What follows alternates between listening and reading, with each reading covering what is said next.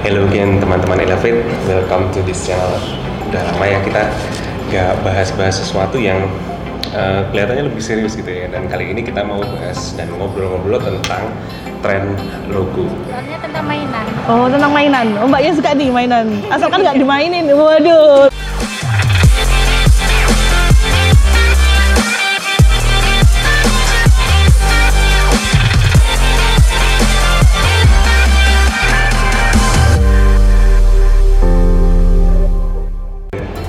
Kita udah compile-compile gitu ya logo-logo tertentu. Kita pilih juga by random. Jadi di sini kita ada logonya Pinterest um, yang baru dan di situ uh, juga ada logonya Microsoft dan Kin Gojek kita pernah bahas lalu itu nanti kalau mau nonton lebih lanjut soal itu ada di sebelah kanan dan kita juga ada logo Mastercard, Gap, Reebok dan Subway. Dan ini nanti akan ditampilin so logo-logo ini kalau teman-teman amati jadi kita tampilkan itu before afternya. Jadi afternya itu adalah dia tampilannya lebih simple um, dan juga ada lagi yang ini nanti kita ada logonya Pertamina ada logonya Saint Laurent Balenciaga, Burberry Berluti, and Balmain nah in the extreme way kalau kita lihat beberapa brand fashion yang tadi itu bahkan ini benar-benar kayak logo yang cuman ketik doang.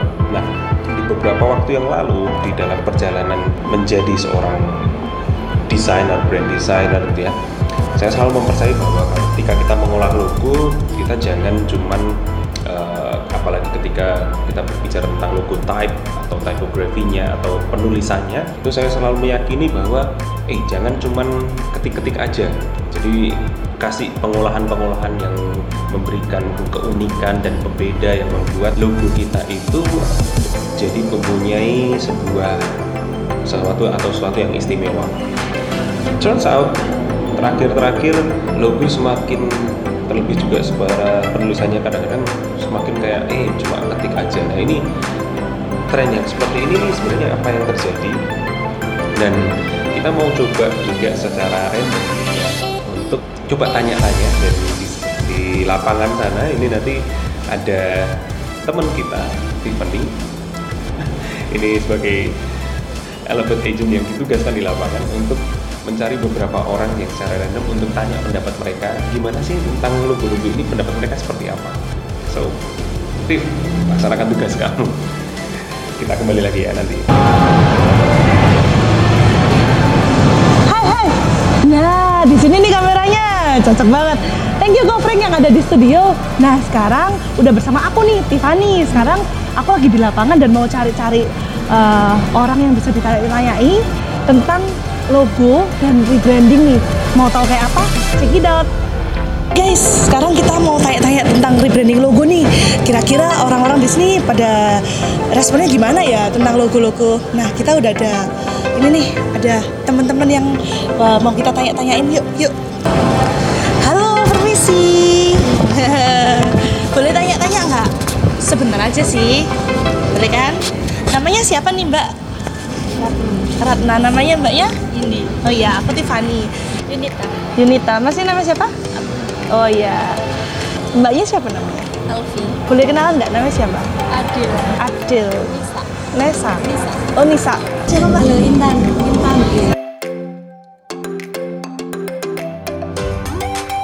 Nah, aku mau tanya nih. eh, kalau sekarang aku tanya, logo apa sih yang kepikiran atau terlintas apa brand apa gitu loh? Ada nggak? Apa? Mbaknya? Mango. Ya. Nggak tahu mbak. Rice Kingdom. Toys Kingdom. Iya. apa aja Papa Jack. Oh, yang Zara.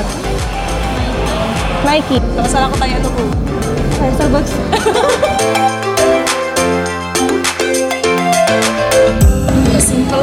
Simpel juga gitu ya. tulisan aja. Suka tulisan aja. Soalnya tentang mainan. Oh, tentang mainan. Oh, mbaknya suka nih mainan. Asalkan nggak dimainin. Waduh. kan saya bekerja di Bapajo Oh, bekerja di... Wah, ini promosi. Mantap kali nih. Logonya siapa nih yang Zara. Zara. Kenapa kok Zara? Suka ya gimana ya? Suka logonya, suka brandnya juga kadang sering ke Zara juga sih. Oh, suka. Oh, produknya. Oh, produk favorit nih, brand favorit. Nike. Kenapa kok Nike? Wah, ini kenapa nih? Nike. Kalau aku sendiri kayak suka sport sport gitu, dia itu lebih bagus sih. Kayak di sepatu sepatu juga kan, biasanya ada kayak jempol. Iya, centrengnya ini ta- tanda checklist gitu. Ya itu kan kayak kan orang-orang pun pasti tahu sih kalau itu gitu.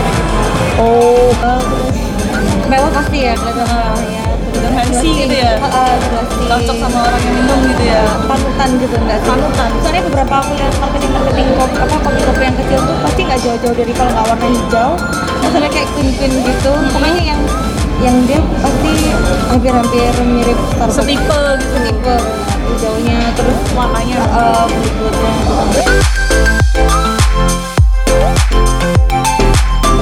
Gimana ya?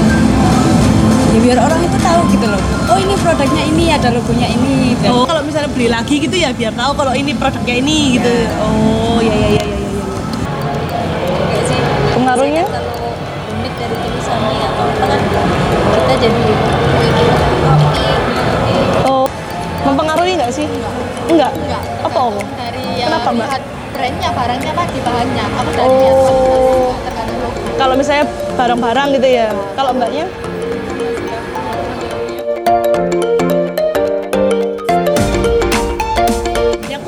Contoh-contoh logo. Dari logo-logo ini mbaknya lebih suka yang mana?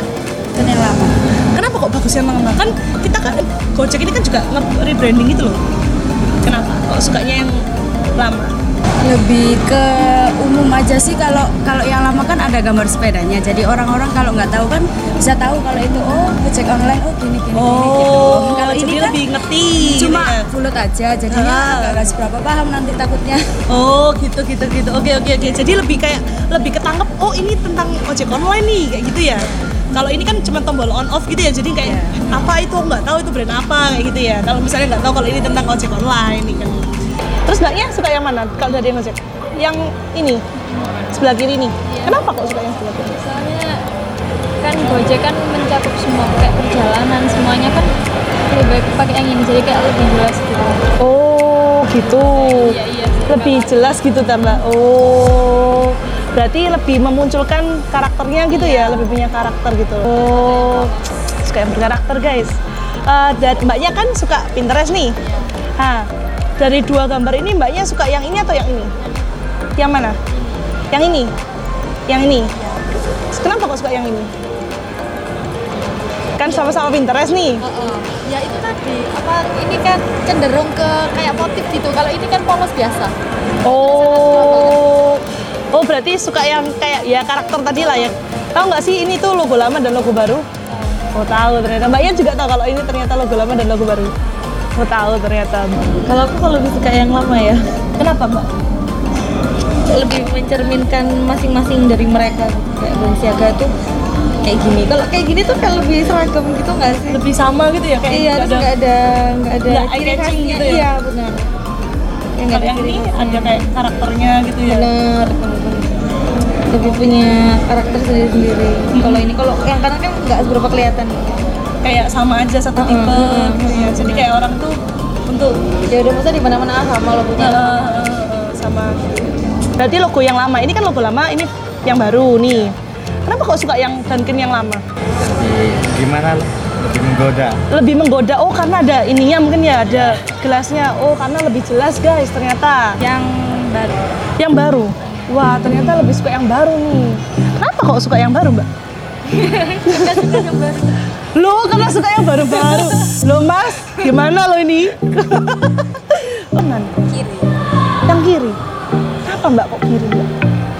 Sama nih, sama-sama Pinterestnya nih ya. Sama guys, Pinterest. Nah, terus yang mana nih? Yang kiri. Kenapa? kiri soalnya suka sama model Suka sama modelnya. Oh, lebih playful gitu ya, Mbak ya. Lebih kayak punya keunikan gitu ya mungkin ya. Well, oke, Tiff.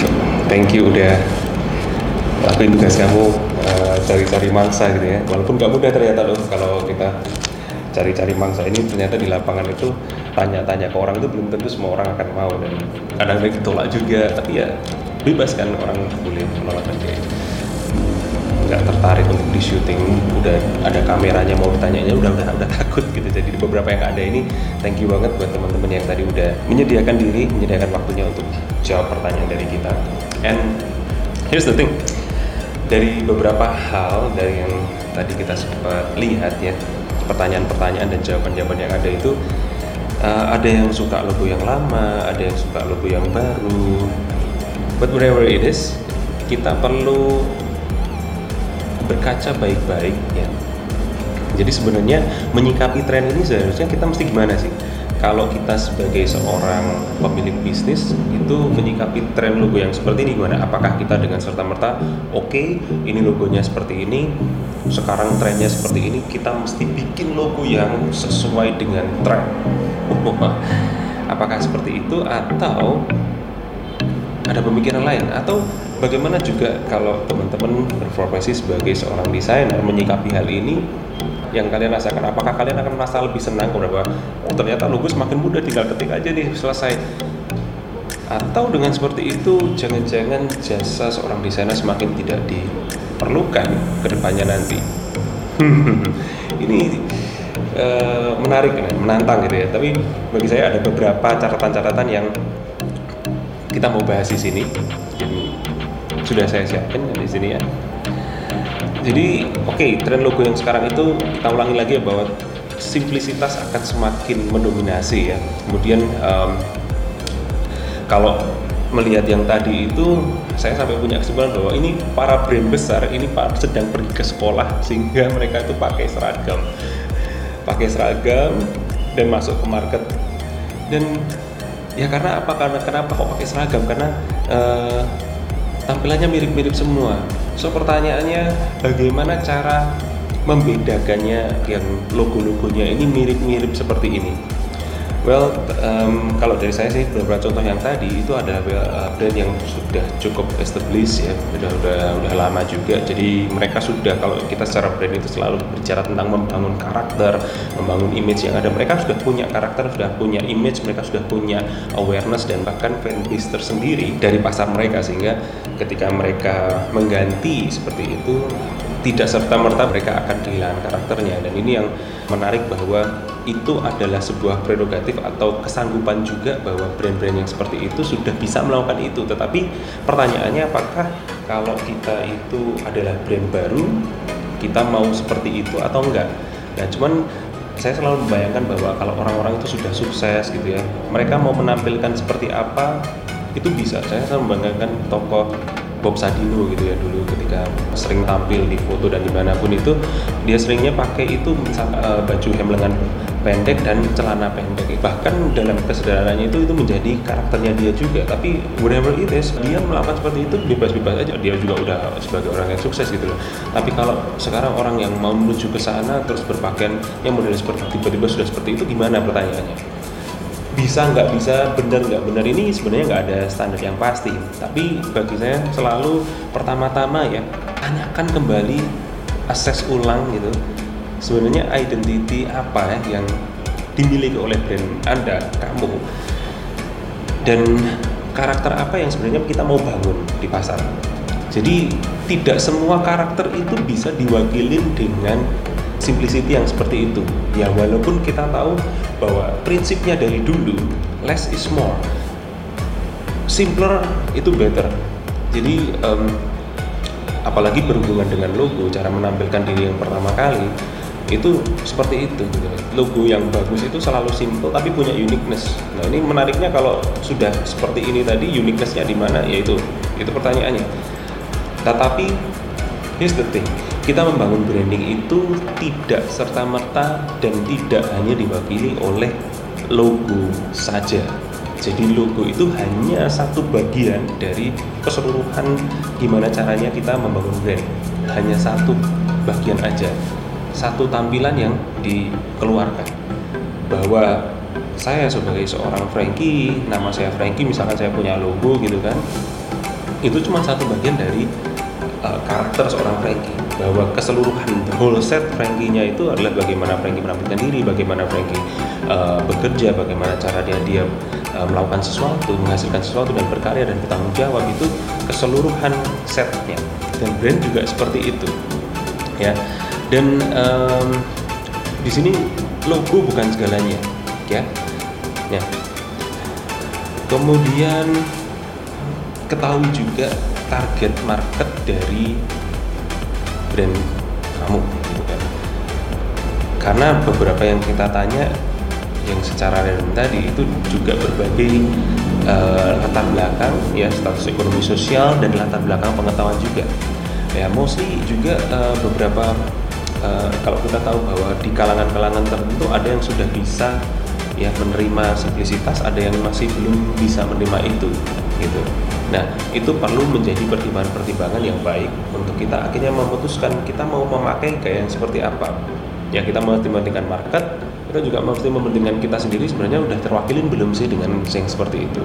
Dan memang kita tahu bahwa sekarang kita masuk di dalam era yang crowd crowd banget yang crowd banget. Sehingga sebenarnya ketika brand terlebih kepada brand-brand yang sudah matang itu itu mereka sudah nggak nggak nggak waktunya bagi mereka untuk tampil aneh-aneh neko-neko gitu. Di sini di di era yang crowd ini rather than kita ngejar sebuah uniqueness dan uh, perbedaan yang signifikan sampai dengan berbagai tingkah itu di sini yang lebih penting daripada itu adalah lebih kepada clarity dari message atau brand yang mau disampaikan. Dan so far berhasil sekali gitu ya.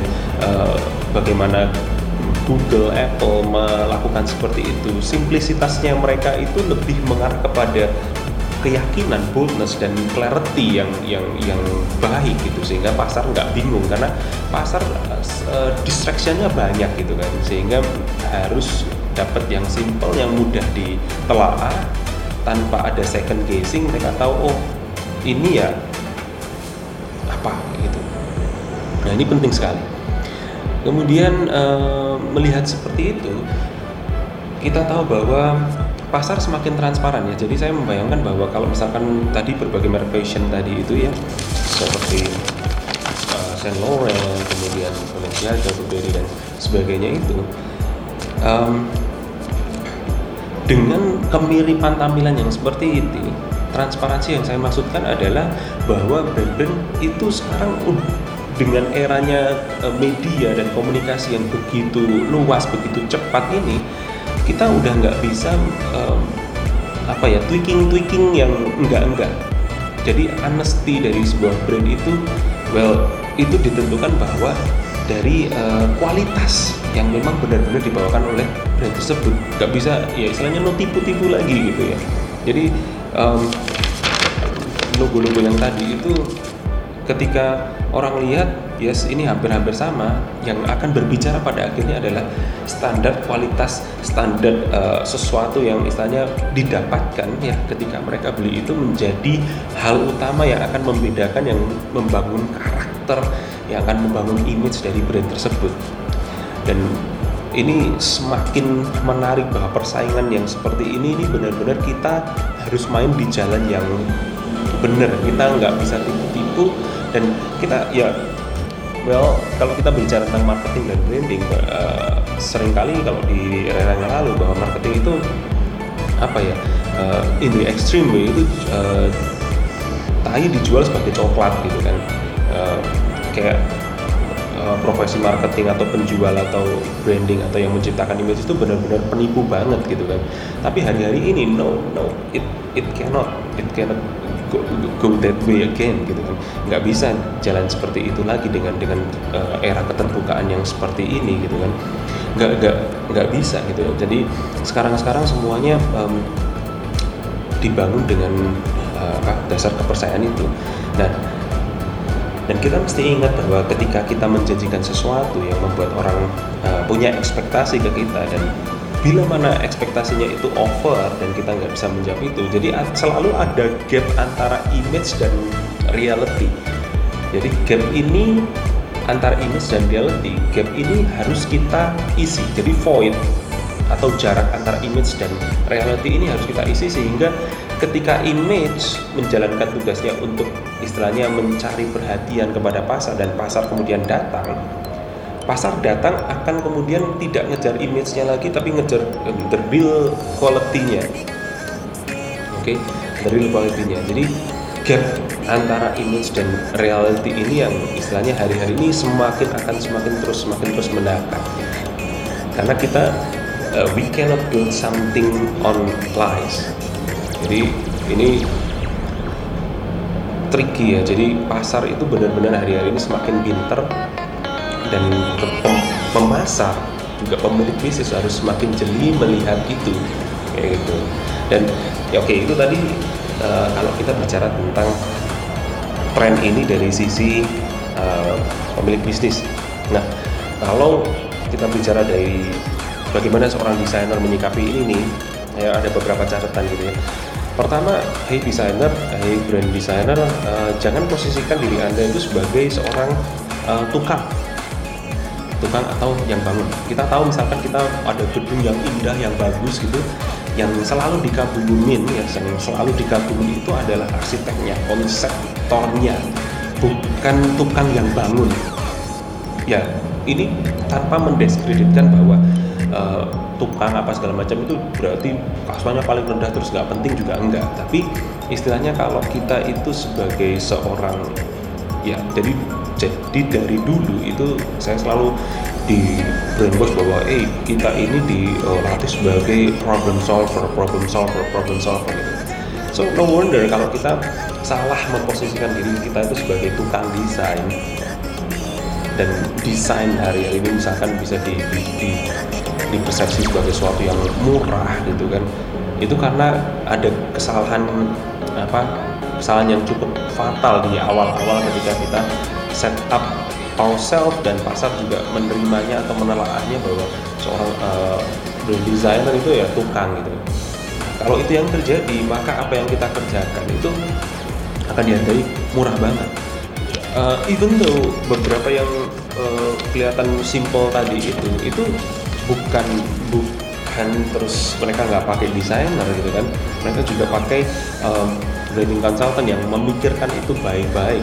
Ada ada konsep ada pemikiran ada latar belakang yang dipikirkan secara masak dengan riset yang ada dan sebagainya. Itu yang sebenarnya bernilai gitu. Bukan cuman kapasitas tukangnya. Kalau kapasitas tukangnya membuat membuat logo yang seperti ini itu kecepatannya cuman sekedar ketik ya mungkin satu menit jadi gitu tapi bukan itu. Dan kemudian eh, ketika kita bicara tentang creativity saya selalu ingat dengan perkataannya Steve Jobs adalah creativity is just simply connecting the dot gitu ya. Dan kita, ini tantangannya bagi para desainer juga bahwa kita harus punya wawasan yang seluas-luasnya sehingga kita bisa tahu kita mau connect dot yang mana. Kalau kita uh, tertutup gitu nggak mau dengar-dengaran informasi yang baru kita nggak punya dot yang mau dikonekkan karena persediaan dot kita itu begitu sedikit gitu. Terus kita mau konekin apa? Di situ terjadilah ketumpulan-ketumpulan uh, pemikiran jadinya. Dan ini yang menjadi tantangan bersama bahwa seorang uh, brand, uh, brand designer, seorang uh, brand consultant itu harus memiliki kapasitas di luar kapasitas teknis saja, tetapi kapasitas-kapasitas pemikiran, kapasitas berkonsep, dan ini yang akan uh, menjadi sebuah jasa ini bernilai yang outputnya sebenarnya pure nggak bisa dilihat dari uh, hasil yang kelihatannya simpel itu tadi. Dan saya juga selalu mempercayai sesuatu yang uh, seperti ini. Uh, to make something simple, it's not simple. Gitu. Nah kurang lebih gitu aja materi kita hari ini ya. Hopefully uh, banyak membuka hal ya. Mungkin nggak materi-materi yang berat gimana, tapi kita akan lanjut di materi-materi lain uh, ke depannya nanti. Dan thank you buat teman-teman yang sudah lihat sejauh ini. Kalau teman-teman menemukan bahwa materi-materi kita ini uh, menarik dan bermanfaat please please please like kita subscribe kita ya share juga gitu. Dan kalau teman-teman yang merasa uh, bahwa konten-konten ini uh, ah ini kurang bagus nih oke okay, give thumbs down it's okay uh, tolong kasih masukan buat kita untuk terus berkembang ya dan thank you for watching. See you in the next one. Bye bye